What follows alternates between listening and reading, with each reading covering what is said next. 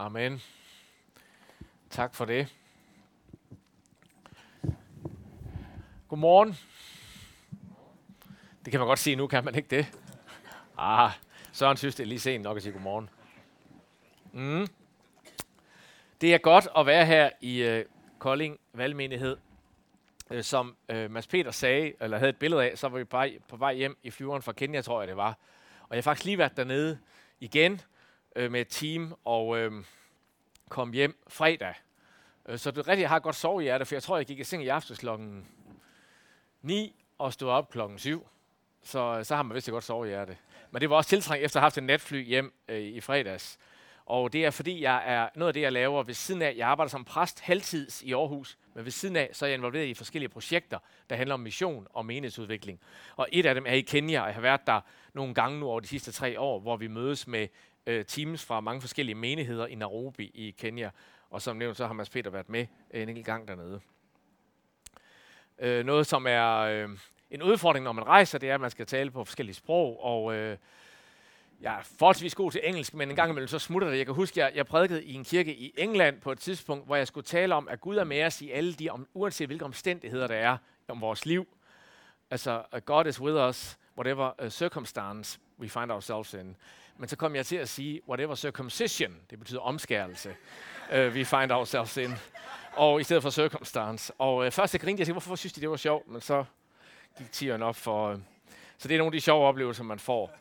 Uh, som Mads Peter nævnte, er jeg stadigvæk præst i Aarhus Valgmenighed, og så jeg arbejder sammen med at blive en kirke, der er bedre til at nå internationals, altså migranter og expats og hvem der nu er i Aarhus, som ikke har dansk baggrund. Og vi har et klyngefællesskab for dem og en månedlig gudstjeneste, øh, engelsktalende gudstjeneste. Så det er, det er meget spændende at være involveret i det også. I dag vil jeg tale mere om øh, Guds rige, og øh, jeg skal lige se, om den her er tændt. Det er den vist nu. Og øh, for mange år siden var, var jeg på sommeroase for første gang. Hvor mange her har nogensinde været med på sommeroase? Der er en del, der ved, hvad det er. Og hvis du ikke rækker hånden op nu, så bare spørg til kaffen, hvad det er. Så er der helt sikkert nogen her, der kan sige, hvad sommeroase er. Men øh, i det her var i, i før, at det var et stort stævne. Nu er det i Horsens, og før det var det i Odder. Men dengang var det et mindre stævne, der var i juni måned. Det var i København, og det var i 1994. Og stævnen beholdt inde i Grøndalscentret. Og øh, temaet for det stævne var Guds rige. Og jeg mødte op. Øh, øh, jeg var ny i OAS-bevægelsen, og jeg mødte op om morgenen. Der var bibeltime og undervisning, og det var en, der hed Morten Munk, hvis øh, teologi og undervisning har faktisk har betydet meget for mig. Og han underviste hver morgen om Guds rige. Og jeg glemmer det aldrig. Jeg havde simpelthen nærmest en åbenbaring ved bare at sidde og høre den undervisning om Guds rige. Jeg havde det som om den verden, jeg, jeg, øh, den verden, øh, jeg var en del af, den simpelthen blev større gennem den undervisning. Og øh, det, som åbnede sig op for mig, var, at der var så meget, der faldt på plads i Nyt Testamente, når, når det med Guds rige faldt på plads. Guds rige betyder, at Gud er konge og tager jorden tilbage under sit herredømme. Det er det, Guds rige betyder. At Gud bliver konge som det var i skabelsen, så vender Gud så at sige tilbage som konge og bliver herre over alting. Og til sidst skal det betyde, at der kommer en ny himmel og en ny jord. Så omfattende er det. Det betyder, at Guds rige er meget mere end mig, eller vores menighed, eller den bevægelse, vi er en del af, eller en institution, eller alt muligt andet, eller foreninger, eller missionsselskaber osv. Guds rige er større end det. Og Jesus kom for at bringe Guds rige og være dets konge, og der på sin helt særlige måde med en tårnekrone, og det er noget det, vi har fokus på her i fasten frem mod påske, var en konge i det her rige, i kærlighedens rige. I dag vil jeg tale mere om Guds rige, fordi Jesus igen og igen underviste om det. Og vi skal se på fem lignelser i Nytestamente, hvor den første nok er den mest øh, kendte, men de kommer i rap i Markus evangeliet kapitel 4. Så hvis I har Bibelen med, kan I jo øhm, kan I jo kigge i den. Og Jesus siger igen og igen i Nyt Testamente, med Guds rige er det som med. Eller med Guds rige er det lige som med. Og så bruger han meget ofte billeder fra naturen. Jeg er vokset op på en gård. Jeg ved også, der er nogle bønder i den her menighed, og det her det er simpelthen bare vores søndag. Fordi der er noget, vi forstår, når Jesus siger det her.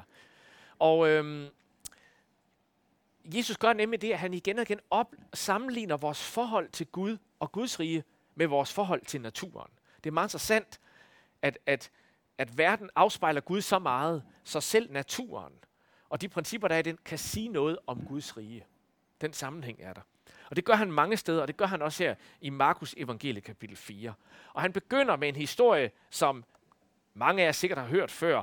Han siger, at med Guds rige er det som med en sædemand, der gik ud for at så. Og her har I et billede af en sædemand. Sådan så det altså ikke ud i Mellemøsten. Det er vist øh, Ring, den danske kunstner, der har malet en dansk øh, sædemand tilbage i øh, 1800-tallet. Men, øh, men på Jesu tid, der gik sædemand også rundt og såede på deres jord. Og det, som så står i den her lignelse, som er mærkelig, i hvert fald når man, som mig voksede op øh, på en gård, det var, at noget faldt på vejen. Jeg tænkte, hvor dårlig en landmand kan man være, at man sår på vejen. Det kunne jeg ikke huske, min far havde gjort. Han vidste godt, hvor markerne var. Og det kan man jo også se her på billedet. Men det er fordi, vi er i Mellemøsten. Og i Mellemøsten, der ved man ikke, hvor den gode jord er, fordi der ligger klippelag under jorden.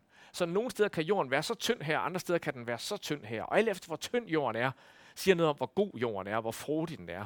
Så derfor såede man bare, og den vej, der sås på, er nok ikke sådan en fastlagt vej, men en sti fra den ene landsby til den anden, hvor jorden har været trådt hård.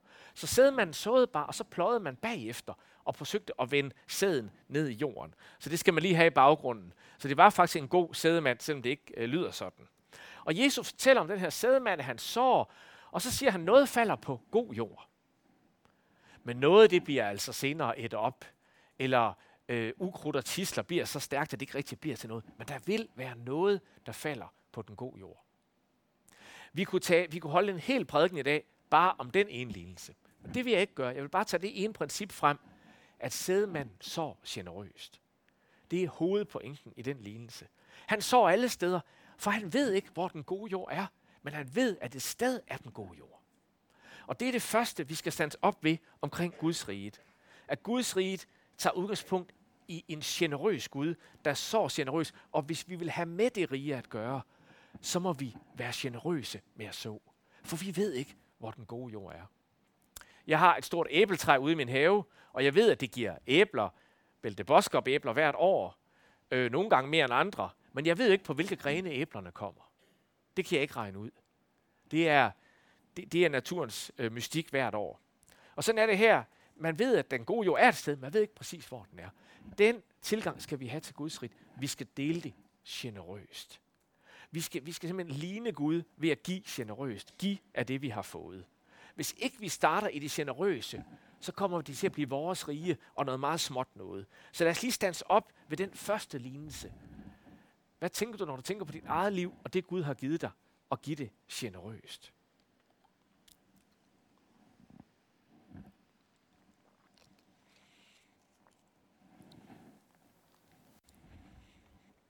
Måske kan du tænke over, hvem der vist dig generøsitet. Måske i den her uge, måske for mange år siden. Hvem delte på et tidspunkt i sit liv generøst med dig, det vedkommende havde fået givet? Det er også en måde at reflektere over lignelsen på. Så det er den første lignelse, og den mest kendte. Men så kommer der fire andre lignelser, der ligger i forlængelse af, som siger noget vigtigt om det her så- og høste-princip. Og dem skal vi prøve at kigge på nu. Den næste lignelse starter i vers 21.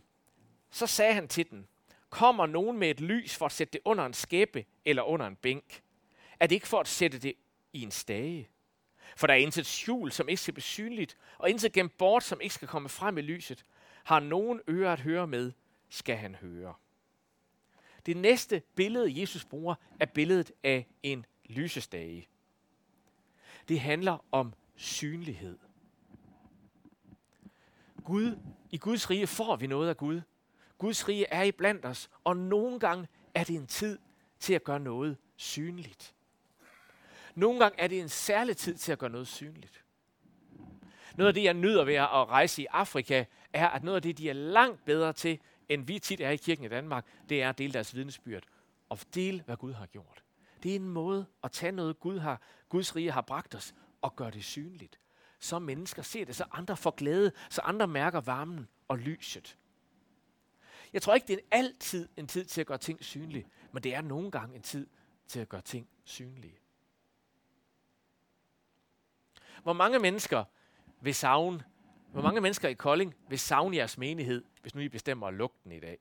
Det synes jeg bestemt ikke, I skal. Men hvis nu vi laver et tankeeksperiment. Prøv lige at sidde og tænke på det. Hvem vil savne Kolding? I vil formentlig savne den, det håber jeg bestemt. Men hvem vil ellers savne den? Rema, Rema 1000.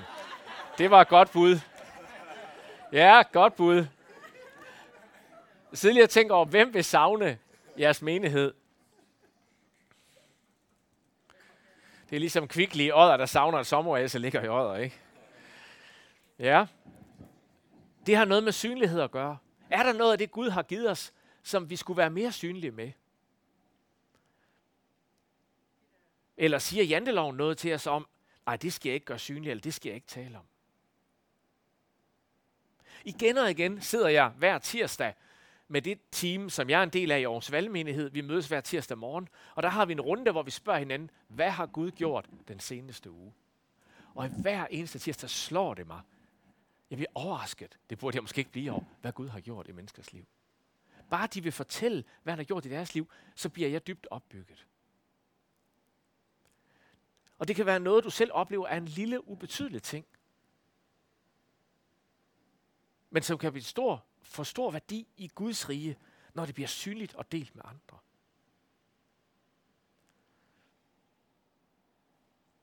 Sid lige og tænk over, hvis du skulle svare på, hvad har Gud gjort i dit liv den seneste uge eller de seneste par uger? Hvor du blevet velsignet, hvad har han gjort? Prøv lige at give det en tanke.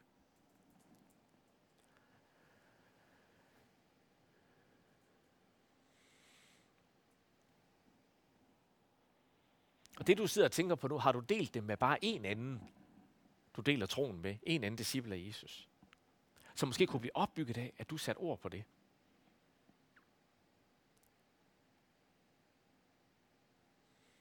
Som Mads Peter nævnte, så øh, vandrer vi lidt sammen i troen og i livet, og det gør vi sammen med nogle andre præster. Vi mødes faktisk hver en, en fredag hver måned i Aarhus øh, en formiddag og deler liv med hinanden. Og tit så sidder de præster i den gruppe og deler ting, som de oplever, Gud gør. Og tit har jeg spurgt dem, det I deler her, har I delt det med jeres menighed? Ved de det? Ved de, hvad der, hvad der foregår, hvad der sker, og hvad det er, I oplever, Gud gør? Jeg ved ikke, hvad det er, men der er noget, vi danskere skal blive bedre til, tror jeg, med at sætte ord på det, vi oplever, Gud gør. Nogle gange er det en tid til at gøre noget synligt. Løfte op. Og nogle gange har vi ikke lyst til det. For det er også sårbart. Det er sårbart at måske stille sig herop og sige, jeg tror egentlig, jeg har en tjeneste eller et kald til at gøre det her i Kolding Valgmenighed, eller hvad det nu kunne være, at du skulle gøre synligt. Men nogle gange er vi nødt til at gøre det synligt, siger Jesus. Fordi det er som et lys på en stage. Det er skabt til, at andre får, det er, det er for værdi, det er, at andre kan glædes ved det. Lad os kigge på den næste lignelse. Fra vers 24 til 25. Og han sagde til dem, mærk jer, hvad I hører. Det mål, I måler med, skal I selv få tilmod med. Ja, I skal få i overmål. For den, der har, til ham skal det gives, og den, der ikke har, for ham skal selv det tages, som han har. Det er faktisk mit konfirmationsord. Jeg har aldrig hørt ah, nogen siden, siden nogen konfirmand fået det konfirmationsord, heller ikke efter. Øh, bare versionen fra Lukas evangeliet, men det samme ord. Hvad er det, Jesus taler om her? Her bruger han et andet billede end lysestagen. Her bruger han målet. Og øh, det kunne for eksempel se sådan her ud. Her ser I et romisk, et, et, et, et, måle, et målebæger fra romeriet. Det er faktisk næsten en helt spand. Der kan være 8 liter i den der. Det er det, der hedder en modius. Og det var altså, når man solgte korn eller handlede med ting, så havde man selvfølgelig nogle mål, og så var der en pris per mål. Og når der stod på de her bærere, øh, at de var godkendt af det romerske tolkammer, så kunne man regne med, at de var målfaste. Øh, alle her, der arbejder med, måske som ingeniør for eksempel, at vide, at det er meget vigtigt, hvordan vi måler ting. Det er faktisk rigtig vigtigt. Der var en bro, der styrtede sammen sidste år, kan I sikkert huske i Italien. Der var nok nogen, der ikke havde målt helt rigtigt. Ikke? Det er meget vigtigt, hvordan vi måler ting. Og det siger Jesus, det er faktisk et billede på noget i Guds rige, der er rigtig vigtigt. Nemlig i den her lille lignelse om det rette mål. Noget af det præster, vi meget let kommer til at måle på, det er, hvor mange der kommer til gudstjenesten. Eller hvis man sidder i et menighedsråd, vores menighedsråd, menigheden har lige været på sådan et døgn sammen. Man kommer jo let til at kigge på økonomien, eller man kommer let til at måle nogle ting, som alt sammen er gode og vigtige, men som ikke er det vigtigste i Guds rige. I Guds rige er der noget, der er vigtigere end andet. Hvad er det, vi måler på? Jeg husker en tale af John Wimber, der grundlagde Vineyard-bevægelsen, og som har stor indflydelse på OAS-bevægelsen. Hvor han siger, du skal måle, så det svarer til det, Gud har kaldet til. Det, der er vigtigt i Guds rige. Og han stiller spørgsmålet til de her øh, ledere, han undervist. Hvor mange syge bliver der taget hånd om? Hvor mange mennesker, der ikke har hørt evangeliet, får lov at høre det? Hvor mange ledere træner vi? Man kan, man kan måle mange forskellige ting. Og det Jesus siger her, det er, at det er ikke lige meget, hvad vi måler med. Hvis vi måler det, der har med Guds rige at gøre, skal vi få i overmål. Og det er langt mere end, hvor mange vi er, eller hvor mange penge vi giver til menigheden. Alt det er jo også vigtigt. Det ved enhver, der har ansvar for sådan en menighed. Det ved I hernede i jeres menighedsråd. Nogle gange kan ens hjerte, kan ens hjerte fristes til at måle noget andet, end det, der er vigtigt for Gud. Derfor fortæller Jesus den her lignelse om det rette mål. Hvad er dit hjertes tendens til at måle? Hvis folk spørger godt, går det godt i Kolding Valgmenighed? Hvad svarer du så ud fra?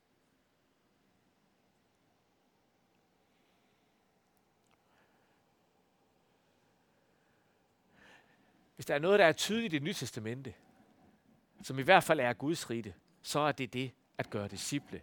Jesus siger det i Matteus evangeliet 28, at vi skal gå ud, eller vi kan der oversætte det, der hvor vi er, skal vi gøre mennesker til disciple. Det er vigtigt for ham. Det er faktisk noget bøvlet noget. Det er noget meget bøvlet noget. Det er bøvlet at være en disciple af Jesus, en der følger efter ham. Indimellem så falder man og snubler og tager fejl og skal lære igen. Det er også bøvlet at følges med mennesker, som lige har fået troen og skal vokse i troen og lære. Bibelen taler faktisk om, at det er som at være et barn åndeligt og skal lære alle de ting. Prøv at tænke på, hvor meget bøvl man har med små børn. Børnene er vist gået ud, så kan man godt sige det, ikke også? Der er masser af bøvl, ikke? Der er også masser af glæde. Men der er smerte og konflikt og læring, når man har med børn at gøre. Sådan er det også i Guds rige. Det er mennesker, det handler om. Mennesker, der vandrer med Jesus og følges med ham. Og der gælder nogle andre mål, end dem, man sådan lige kan hurtigt tælle. Er der noget i dit hjerte,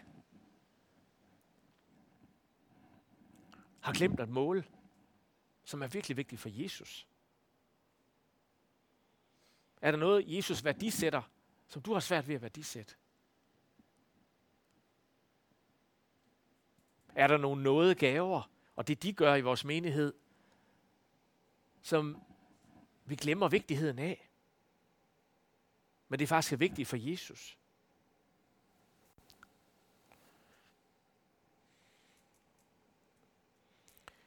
Det er godt at stands op ved, også her i festetiden. Hvad er det, vi måler? Hvad er det, der betyder noget i Guds rige? Og vi skal måle, men vi skal måle det. Det er godt en gang imellem at lave øvelsen. Det vi gør her, hvem gør det en forskel for? Hvem vil savne os, hvis vi ikke var her? Det kan både gøre os ydmyge, men det kan også opmuntre os. Sige, nå ja, der er faktisk en hel masse ting, Gud gør. Det må vi gerne måle og give fokus til. Den næste lignelse handler om tid. Og det er vers 26. Og han sagde, med Guds rig er det ligesom en mand, der har tilsået jorden. Han sover og står op nat og dag, og kornet spiger og vokser, uden at han ved hvordan. Af sig selv giver jorden afgrøde, først strå, så aks, så fuld kerne i akset. Men når korn er moden, går han straks i gang med sejlen, for høsten er inde. Det er lignelsen om den sovende bonde. Det står der ikke i overskriften i Bibelen, men det har jeg valgt at kalde den. Det er lignelsen om bunden, der sover. Fordi det meste af tiden kan han ikke rigtig gøre noget. Der er han nødt til at lade kornet, eller hvad det nu er, vokse af sig selv, sådan som Gud har skabt det, med det, med, med, med det gen, eller det DNA, at det kan vokse.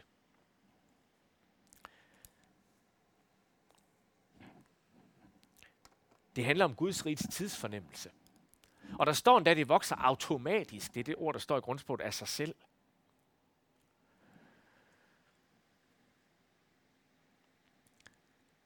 Hvordan har du det med at gøre noget i Guds rige, tjene, og så lægge det over til Gud, og så bare vente? Hvis du har det ligesom mig, så er du godt have lidt svært med det. Så er den lidt, faktisk lidt provokerende, den her lignelse. Fordi man skal vente. Når man har sået sin marker til, når man har sået sin marker til, og det begynder at spire, så skal man endelig ikke begynde at joske ind i markerne og tænke, nu skal jeg lige hjælpe det lidt på vej, vel? Man skal endelig ikke begynde at træde de små spirer ned. Men man skal faktisk bare vente. Sådan siger Jesus, at det er også et princip i Guds rige, at nogle gange skal vi bare vente. Ej, hvor kan det være hårdt. Især hvis man er utålmodig. Jeg er den utålmodige type, så jeg har tit bedt, Gud, giv mig mere tålmodighed, gerne lige nu. Nogle af jer kan kende jer i det. Andre er mere na- tålmodige af natur. Men Jesus siger, at der er noget, vi skal gøre. Det er rigtigt. Vi skal så, og vi skal høste. Der var ikke noget, der groede op af jorden af sig selv, hvis ikke bondemanden havde sået. Så der er noget, vi skal gøre. Men når vi så har gjort det, vi skal gøre, så er der noget, kun Gud kan gøre. Hvor vi må vente. Der er, det at vente fylder utrolig meget i Bibelen. Esajas kommer med profetier om ting, der skal ske 700 år senere end der, hvor han sagde det, og det blev skrevet ned. Det er godt nok lang tid.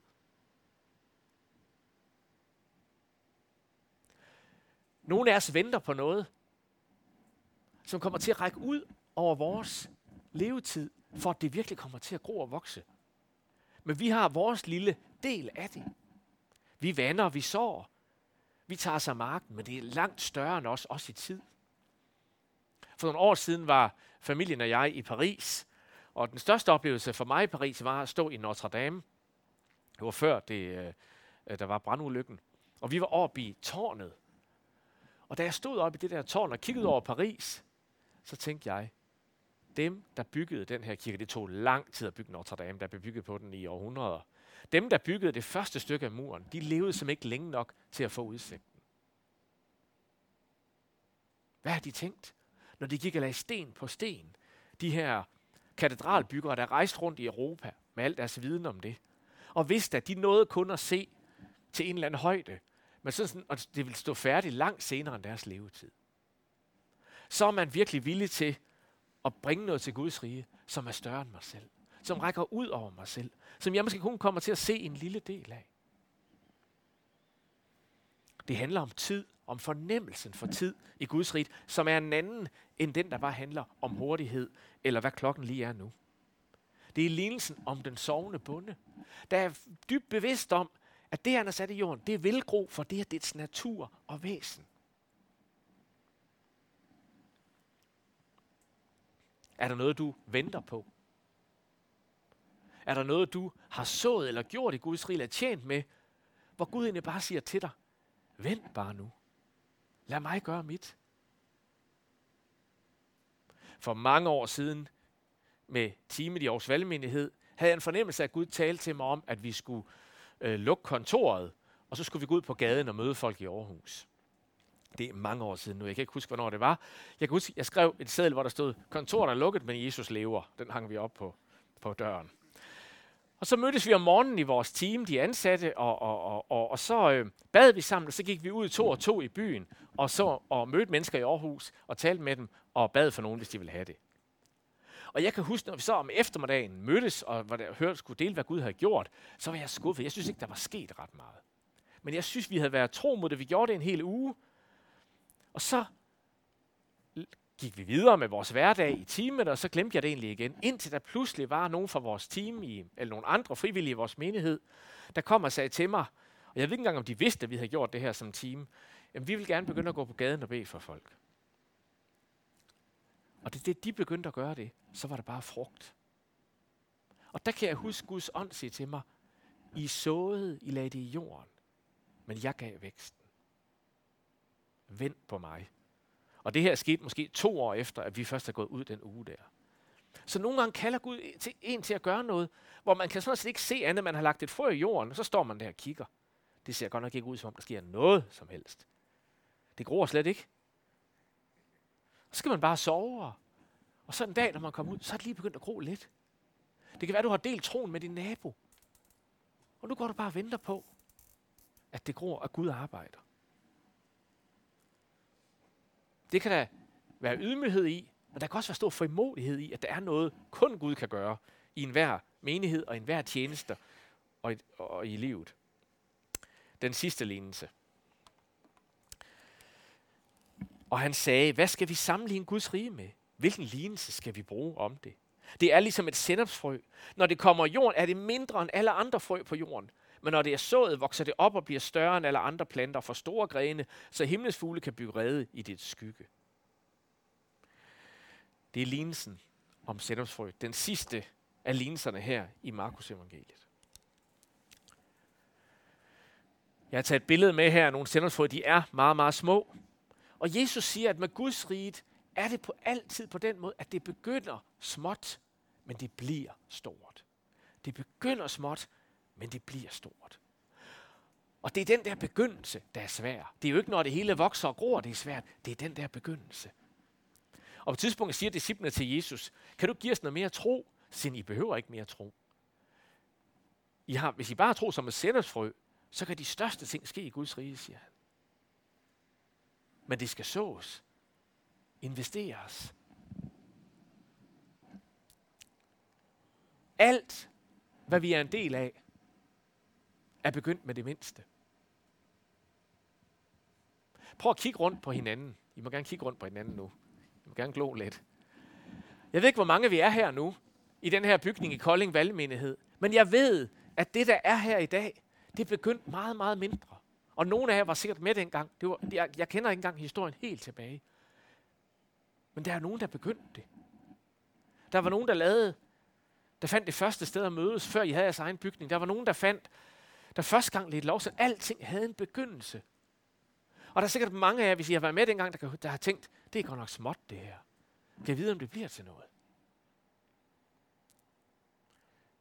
Jeg kan huske, da sommeråret var et stævne, hvor min svigerfar han kørte rundt med en trailer og satte ting op. Det gør han vist nok stadigvæk. Men nu er det nogen flere, der gør det end ham, vil jeg sige. Ikke? Men alting har en begyndelse. Og den begyndelse, siger Jesus, skal vi regne med, når det er Guds rigt, er lille og ubetydelig på en eller anden måde. Men fordi det er Guds rige, får det stor betydning. Det er dets væsen, det er det Guds rigs natur. Og jeg har lyst til at spørge jer, hvad er dit sindopsfrø? Hvad er det, Gud har givet dig fra sit rige? Som du måske synes er, jamen det er jo, det er jo bare noget helt almindeligt for mig. Jeg beder jo bare for folk. Eller hvad det nu er, du har fået.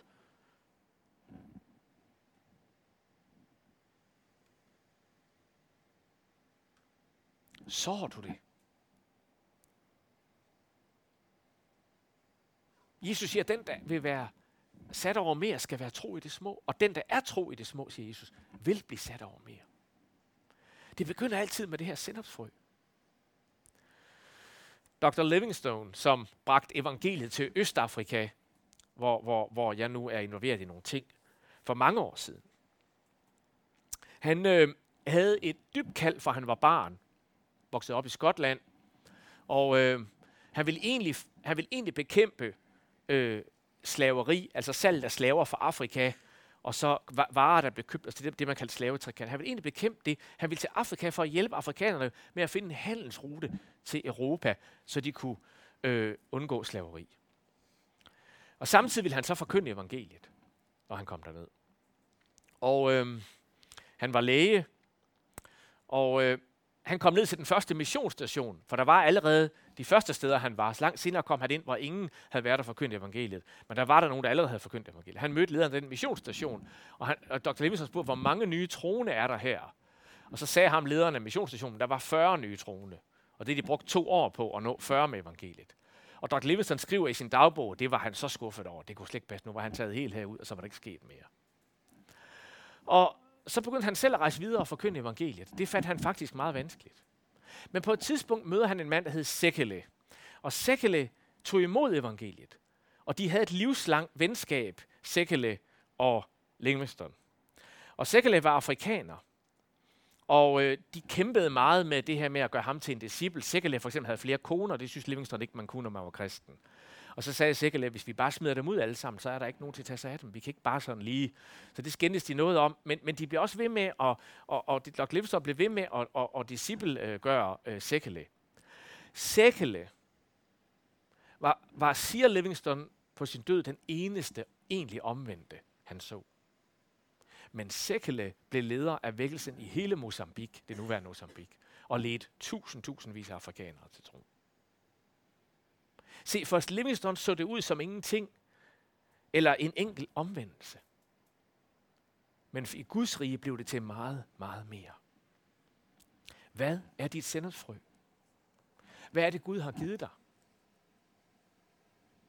Og nu skal du ikke nødvendigvis bare tænke, hvad er jeg involveret i i Kolding Valgmenighed eller et andet sted. Nej, det kan være på dit arbejde. For Guds rige er langt mere end menigheden.